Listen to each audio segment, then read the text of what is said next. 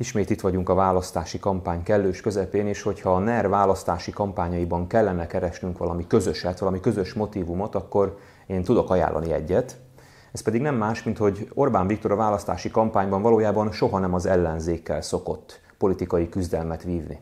Figyeljétek meg, vagy gondoljatok vissza rá, sem 2014-ben, sem 2018-ban, sem 2022-ben nem az ellenzék számít Orbán Viktor ellenfelének, vagy legalábbis Orbán Viktor úgy alakítja az eseményeket, és úgy hajlítja a kommunikációs teret, hogy neki ne az ellenzékkel kelljen vitába keverednie, hanem másokkal, méghozzá képzeletbeli ellenfelekkel. Ilyen képzeletbeli ellenfél volt a rezsidémon, ilyen képzeletbeli ellenfél a migráció, Soros György, Brüsszel vagy az LMBTQ világlobbia, amelyekben az a közös, hogy lényegében léteznek, tehát a képzeletbeli kifejezés bizonyos értelemben túlzás, mert létező problémák, létező kérdések, akár létező ellenfelek is lehetnek, de mégsem úgy, ahogy azt Orbán Viktor a kommunikációjában felfesti nekünk a falra. Ő ugyanis szereti ezt eltúlozni, lényegében ilyen apokaliptikus, világméretű nagy összeütközésé nagyítani ezeket a kérdéseket, ezeket a vitákat, és ami leginkább fontos, hogy ezek az ellenfelek nem tudnak Orbán Viktorral győzni, mert nem tudnak visszaütni.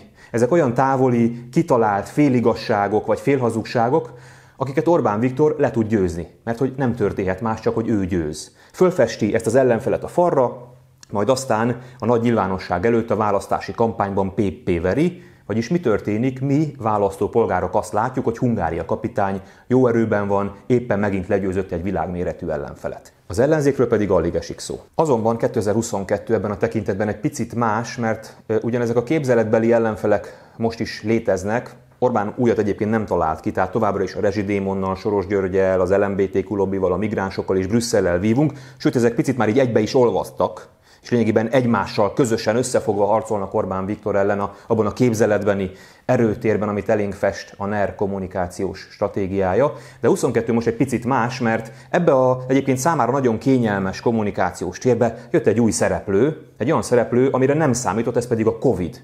És a Covid pedig nem olyan, mint az előzőek, mint a felsoroltak, nem illik ebbe a csoportba, ugyanis valódi ellenfél. Nem csak féligasság vagy félhazugság, hanem létezik, valódi politikai ellenféllé vált. És ez a NER rémálma. Egy olyan ellenfél jött vele szembe, amelyet nem Orbán Viktor talált ki, amelyre Habony Árpád nem tud kommunikációs stratégiát építeni, amelyet Rogán Antal karaktergyilkoló ö, hada nem tud lerohanni, amelynek az orra alá Bohár Dániel nem tud mikrofont tolni. Szóval ez egy olyan probléma, amivel valóban meg kell vívni, amely Orbán Viktort valódi politikai küzdelemre kényszeríti, és ennek a küzdelemnek az öt szinterét, az öt csataterét fogom ebben a mai adásban megvizsgálni.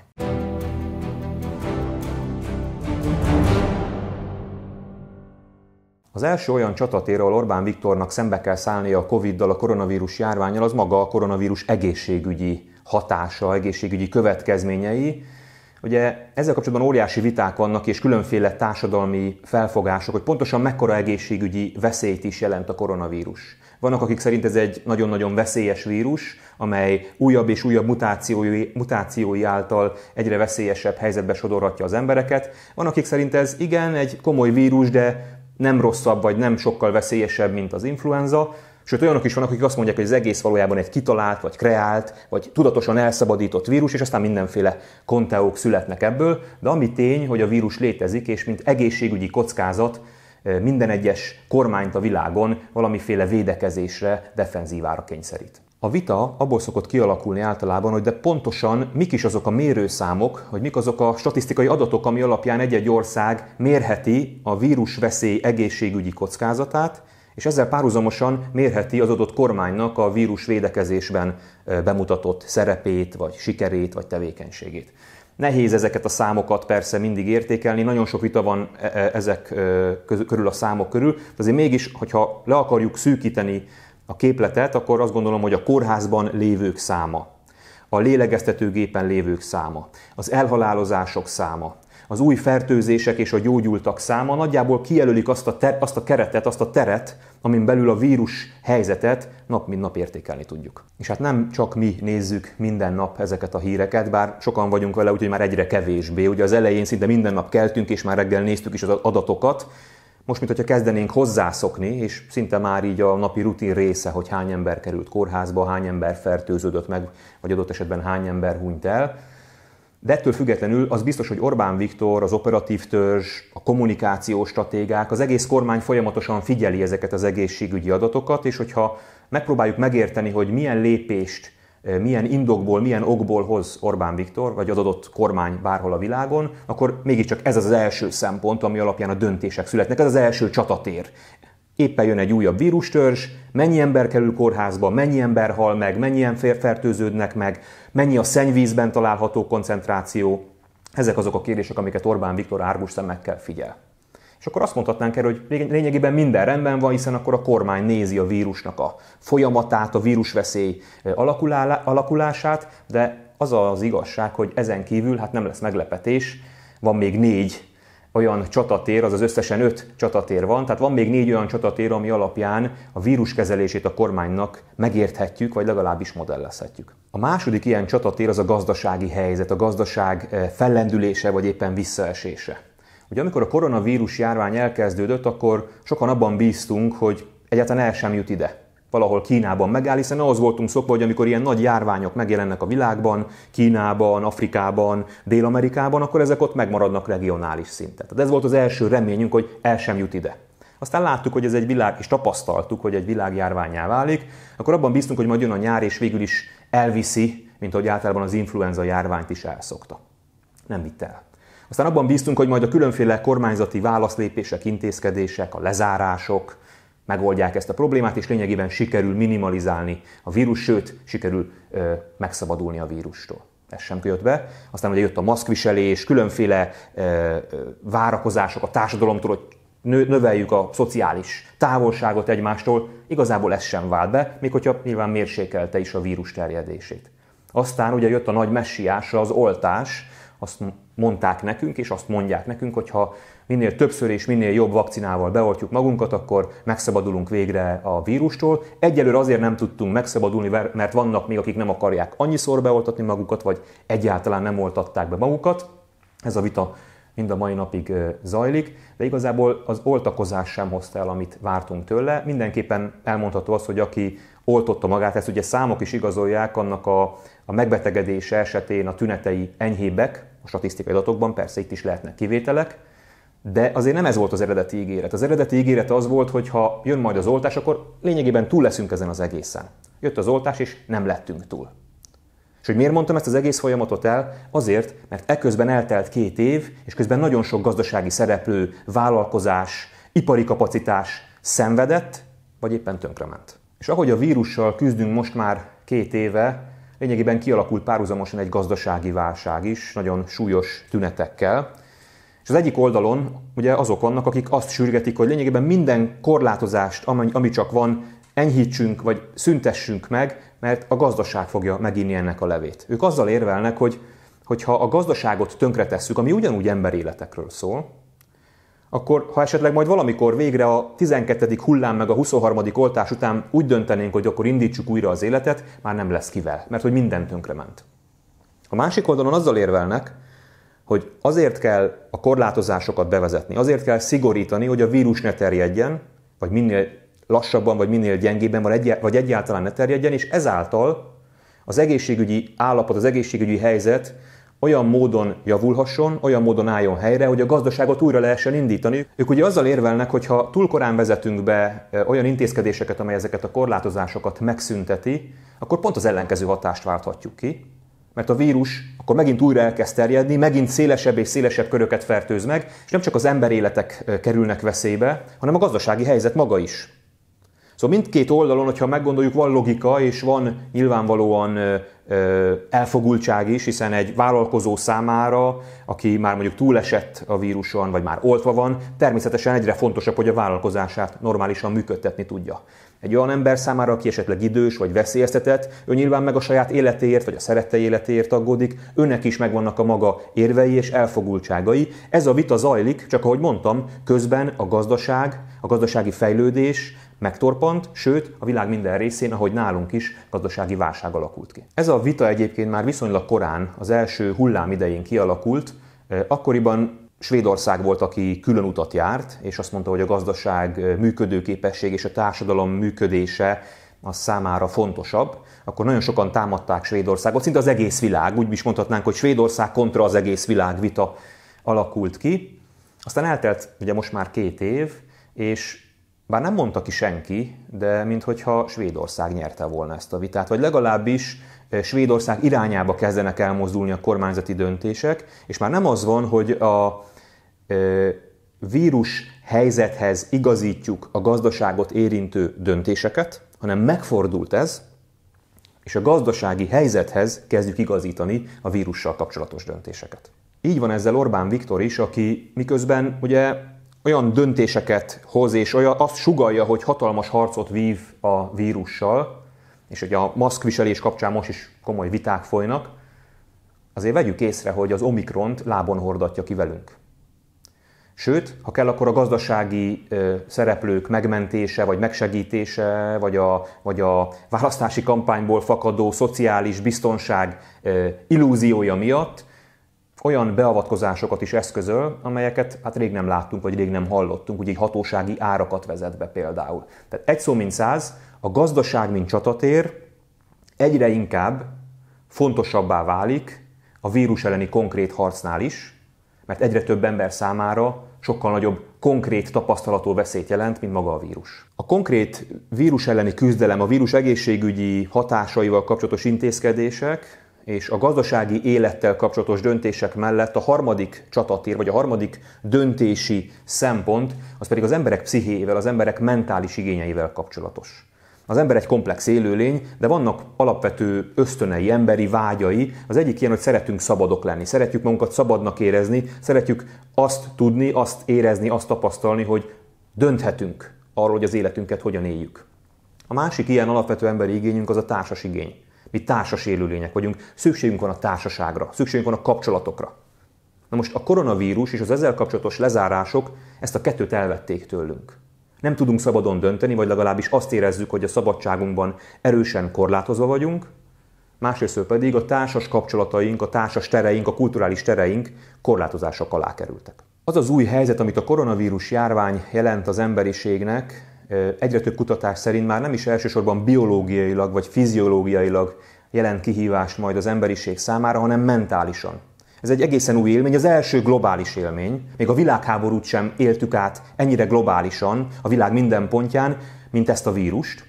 És ez elég komoly mentális terhet ró az emberekre. Nő a depressziónak, a szorongásnak, akár az öngyilkosságoknak a száma a világban, tehát egyszerűen rosszul érezzük magunkat a bőrünkben ebben az egész helyzetben. És ugye már eleve egy rossz mentális állapotban vagyunk, és még pluszban a szabadságunkat is korlátozzák a társas környezetünket is korlátozzák. Tehát pont azt a két dolgot veszik el tőlünk, amivel a szorongásunkat, a rossz közérzetünket csökkenteni tudnánk, ettől még rosszabban érezzük magunkat. És kialakul egy ilyen nagyon rossz ördögi kör. Rosszul érezzük magunkat, az intézkedések még rosszabbá teszik az állapotunkat, és akkor még rosszabbul érezzük magunkat, és nyilván az emberekben gyűlik, gyűlik a rossz érzés, gyűlik, gyűlik a, a frusztráció és az ezzel kapcsolatos agresszió is, amit hogyha valaki fölmegy az internet bugyraiba, vagy hát lemegy inkább mondjuk így az internet bugyraiba, akkor megtapasztalhatja. Egyébként ez a kérdés is nagyon megosztja a társadalmat, mert még mindig vannak olyanok, akiknek a számára a vírustól való félelem egy erősebb input, egy erősebb hatás, mint a szabadságvágy, vagy a társas környezethez való visszatérés. Ezek az emberek ugye a korlátozást támogatják. Ők kifejezetten igénylik is a kor, korlátozást, mert ebben a félelmükben az ad nekik biztonságérzetet, hogyha olyan intézkedéseket tapasztalnak, vagy látnak a kormányok részéről, amelyek a vírus terjedését csökkentik. De ebben a vitában, ugye a korlátozás vagy újranyitás vitában egyre nő azoknak a száma, és tapasztalhatóan nő azoknak a száma, akik már, akiknek már elege van a korlátozásokból, akik már nem akarnak maszkot viselni. Azért idézzük fel azokat a képeket, amikor az, újra, az első nagyobb újranyitás után előzönlötték a fiatalok a szórakozó helyeket, és hát minden maszk a kukába került, tehát jól látható volt, hogy, hogy előtör az emberekből a szabadságvágy, a társas kapcsolataink iránti igény újra előkerülés, és maga alá gyűr mindenféle félelmet. Lényegében az életünket is kockára tesszük azért, hogy normálisan élhessünk. És ezt a fajta egyébként szerintem nemzetközileg vagy világszerte tapasztalható változást, mármint azt, hogy egyre több emberben a vírussal kapcsolatos korlátozások fölé nő a szabadság iránti igény, meg a társas kapcsolatok iránti igény, a visszatérés a normális kerékvágásba. Már amennyiben ezt csak zárójelben mondom, a, a Covid előtti életünk normálisnak nevezhető, zárójel bezárva. Szóval ahogy ez a folyamat nő, úgy nyilván reagálnak rá a kormányok, és reagál rá Orbán Viktor is. És ő is nyilván figyeli és tapasztalja ezt a tendenciát, hogy az emberek ki akarnak szabadulni. És ilyenkor a politika ebben a nehéz helyzetben, amikor egyrésztről kormányon védekezni is kell a vírus ellen, mutatni kell, hogy szigorúan megállítjuk a vírus terjedését, de azért valamilyen szinten ki is kell elégíteni az emberek szabadságvágyát, hát egyre több szereplő kezd el mindenféle csiki-csuki játékot játszani. Orbán Viktor is ugye eh, védekezik a vírus ellen a péntek reggeli rádióinterjúban, de azért nem tudom melyik nap délután már a Rákóczi túr és túrósért maszk nélkül megy be a cukrászdába. Illetve vannak már olyanok is, olyan politikai szereplők, akik kifejezetten rátelepednek, és kifejezetten megpróbálnak hasznot húzni, politikai hasznot húzni ebből a tendenciából. Ugye a mi hazánk lényegében elsőként ismerte fel ezt az igényt, és kezdett a Covid diktatúráról beszélni, és hát némi fáziskéséssel, sőt, hát elég komoly fáziskéséssel az ellenzék is fölismerte, hogy van ebben potenciál, hogy egy választási kampányban lehet ezzel játszani, és a Jobbik is beállt ebbe a, ebbe a szerepbe, és most a Jobbik is, aki korábban egyébként a, az, az elképesztő szigorításokat is megengedhetőnek és kívánatosnak tartotta, most a kötelező oltások ellen kampányol. Ilyen a politika, lehet ezen fölháborodni, meg lehet ezen morálisan különféle ítéleteket mondani, de a helyzet az, hogy egy választási kampányban mindenki szavazatokat próbál gyűjteni, ilyen értelemben kell értelmezni mind Orbán Viktornak, mind a mi hazánknak, mind a Jobbiknak a politikai tevékenységét. Egy szó mint száz, a harmadik csatatér az az emberek mentális egészség, az emberek szabadságvágya, az emberek igénye a normális társas életre. És ez ugye még nem minden, van egy negyedik csatatér is, vagy van egy negyedik döntési szempont, ami alapján Orbán Viktor dönt a vírus kérdésében, ez pedig a külföldi tapasztalatok. Abban a szerencsés helyzetben vagyunk, itt gyorsan le is kopogom, hogy nem volt még magyar mutáns, eh, és amikor nem is lesz. A világ több részén viszont föltűntek már mutánsok, és ez annyiból könnyítette meg a mi helyzetünket, hogy ugye nagyjából kiszámítható volt, hogy előbb-utóbb hozzánk is eljut, de mire eljutott hozzánk, azért az valamennyi időt igénybe vett, és mi föl tudtunk rá lényegében bizonyos értelemben készülni. Ha nem is teljesen, de láthattuk azt, hogy, hogy más országok, ahol ez a vírustörzs, ez az új vírustörzs már megjelent, milyen lépéseket tettek, és annak milyen hatásai voltak, és ebből nyilvánvalóan modellezni lehetett egy kormányzati stratégiát, és és hát nyilvánvalóan Orbán Viktor is elemezte ezeket a különféle folyamatokat. Amikor megjelent egy új vírustörzs a világban, akkor azonnal elkezdtük nézni, hogy az adott országban, ahová már, ahol már megjelent, milyen válaszlépéseket váltott ki, és azok a válaszlépések milyen hatást eredményeztek. Jó lett a hatása, vagy rossz lett a hatása, vagy semmilyen hatása nem volt, és ezekből próbáltuk mindig a magunk stratégiáját kialakítani, felkészülni arra az esetre, vagy arra a pillanatra, amikor majd ez a vírus törzs Magyarországon is megjelenik. Nagyjából az látszik, hogy számunkra Ausztria volt a kísérleti laboratórium. Ausztrián figyeltük meg a különféle vírustörzsekkel kapcsolatos intézkedések hatását, és aztán nyilván összeült a törzs, az operatív törzs, meg összeültek a nagyokosok, és kitalálták, hogy ennek a fényében nekünk hogyan kéne lépnünk, másoljuk -e Ausztriát, vagy csináljuk éppen az ellenkezőjét. Orbán Viktor egyébként szeret úgy látszani, és szeretik sokan úgy is láttatni őt, mint aki nagy innovátor, és mindig új dolgokat talál ki. Az a helyzet, hogy ez nem teljesen így van, sőt, alapvetően nem így van. Orbán Viktornak ezek a nagy-nagy újításai, nagy-nagy innováció, innovációi mind-mind külföldről átvett példák. Tehát a Hajrá Magyarország, ezt Berlusconi-tól vette át. A soros kampány sem Magyarországon volt először, erre szeretném mindenkinek felhívni a figyelmét. Tehát ő szeret ilyen külföldről átvett, már bevált recepteket Magyarországra alakítani, Magyarországra adaptálni, és hát a vírus helyzetben is lényegében ezt tette, de a korrektség kedvéért említsük meg, hogy azért volt itt egy bátor és egyébként az európai trendekkel szembe menő lépése a kormánynak, ez pedig a keleti vakcináknak a megvásárlása volt. De itt is hagyd tegyem hozzá, hogy azért nem biztos, hogy ezt a lépést, mármint hogy mi kínai és orosz vakcinákkal is elkezdtünk oltani, nem biztos, hogy ezt a lépést, sőt, biztos, hogy nem az egészségügyi szempontok diktálták. Én élek a gyanúperrel, hogy itt inkább geopolitikai, meg politikai viszonyulások, kapcsolatok, érdekek játszottak szerepet. Az egy más kérdés, hogy úgy tűnik jelenleg 2022. februárjában, hogy ez bejött a kormánynak, tehát hogy a keleti vakcinák és az ezzel való oltakozás Magyarországon a kormány víruskezelésének egy jó lépésévé vált. És ha már keleti vakcinák, meg hogy jó lépés vagy nem jó lépés, akkor el is érkeztünk az ötödik csatatérhez, ez pedig nem más, mint a választási kampány, amiben egyébként ugye egy komoly vitakérdés, még mind a mai napig, hogy a keleti vakcinák jók-e vagy rosszak. Jól tette Orbán Viktor, hogy a kínaiakkal, meg az oroszokkal is üzletelt vakcina kérdésben vagy sem. De ami a lényeg, hogy a közelgő választás és a jelenleg is zajló folyó kampány alapvetően határozza meg a vírussal kapcsolatos intézkedéseket. És ahogy haladunk április harmadika felé, az, előz, az első négy szempont egyre kisebbé válik, vagy egyre jelentéktelenebbé ezen ötödik szempont mellett.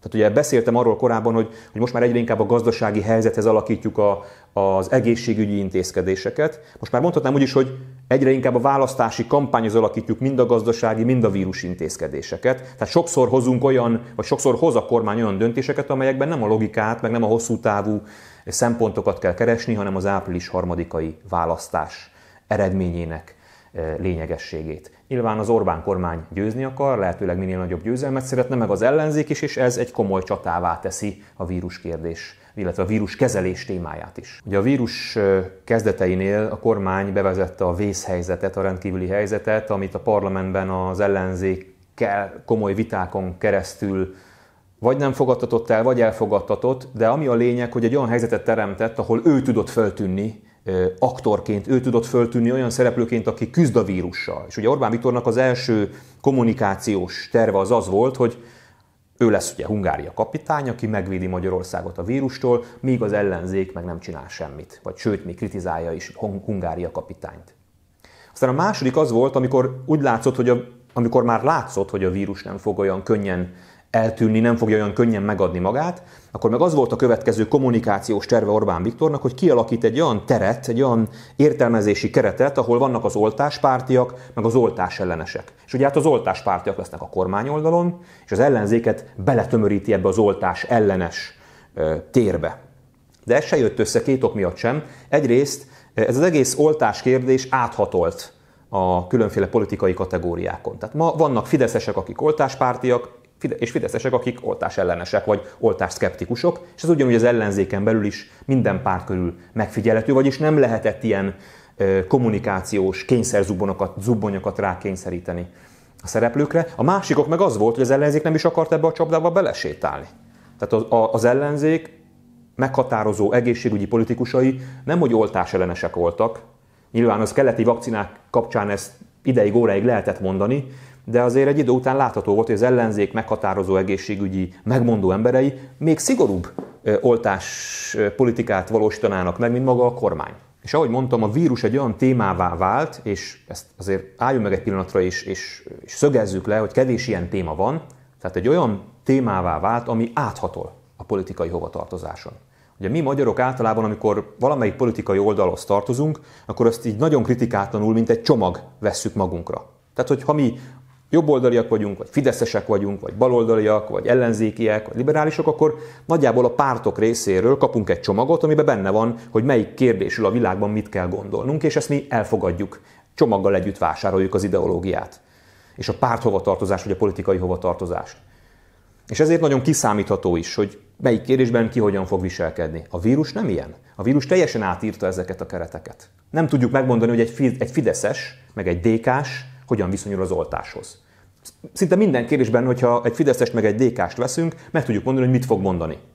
Meg tudjuk mondani, hogy vírus kérdésben ki hol áll, nem tudjuk megmondani, mert ez átírta ezeket a politikai szabályokat, és ezért, különösen egy választási kampányban nagy veszélyt jelenthet, mert egy-egy döntésnek a hatását nem biztos, mármint társadalmi hatását nem biztos, hogy meg lehet jósolni. Nem tudjuk, hogy az emberekben milyen reakciót fog kiváltani, és én azt jósolom itt a hátralévő szűk két hónapban, hogy nagyon sok rögtönzést fogunk tapasztalni még a vírussal kapcsolatban. Nagyon sok kétértelmű mondatot, nagyon sok csiki-csuki játékot. Nyilván lesznek olyanok is, akik egyik vagy másik oldalon nagyon határozottan leverik a cölöpöket, mert ők abban bíznak, hogy ez hozza meg számukra a politikai gyümölcsöket majd, ez hoz több szavazatot az április harmadik, harmadikai választáson, de a kormány részéről és Orbán Viktor részéről én azt gondolom, hogy egy ilyen hintapolitika várható. Ide is adok egy kicsit, meg oda is adok egy kicsit, és megpróbálok mindenkit megszólítani, És talán amikor fölteszik sokan a kérdés, hogy a Jobbik miért kezdte most el, és Jakab Péter miért kezdte most el a, az oltás, a kötelező oltás elleni harcot, akkor ez is ilyen értelemben értelmezhető, vagy így érthető meg. Az ellenzék is, ami ugye nagyon sok szereplőből áll, megpróbálja most felosztani a terepet. Megpróbálja most felosztani a különféle szerepeket. Ugye a DK, vagy más pártok azok szigorításokat szeretnének, a Jobbik az pedig azt szeretné, hogy ne legyenek szigorítások, vagy ne legyen kötelező oltás. És persze mondhatjuk azt, hogy egy kampányban jó lenne tisztán fogalmazni, hát mégiscsak egy szövetséget hoztak létre, egy hatpárti egységet, és jó lenne megmondani, hogy ez a hatpárti egység mit akar, hogyha kormányra kerül, de nem így működik a politika. A politikának nyilván majd döntéseket kell hozni, de amíg nem, hoz, amíg nem kell döntéseket hoznia, amíg csak a választás megnyeréséről beszélünk, addig mindenki próbál minél több hangszeren játszani, sőt, magamnak ellenmondva, nézzük meg, Orbán Viktor kormányon is ezt teszi. Ő is megpróbál mindenkinek egy picit adni, mindenkinek egy picit a kedvében járni. Egy szó mint száz, a kampányban még ezért sokféle meglepetésben lehet részünk a víruskezeléssel kapcsolatban, de ez volt az az öt terület, amely alapján Orbán Viktor a döntéseket a vírussal kapcsolatban meghozza. Ha tetszett a videó, akkor mindenképpen iratkozz fel a YouTube csatornámra, hogyha még nem tetted meg, a 21 vlog YouTube csatornájára. Ha szeretnéd a kérdést tovább vitatni másokkal, velünk, akkor a Pegapol oldalán találkozunk, ha pedig a 21 vlog működését is szeretnéd támogatni a jövőben, akkor a Patreon oldalon keres bennünket.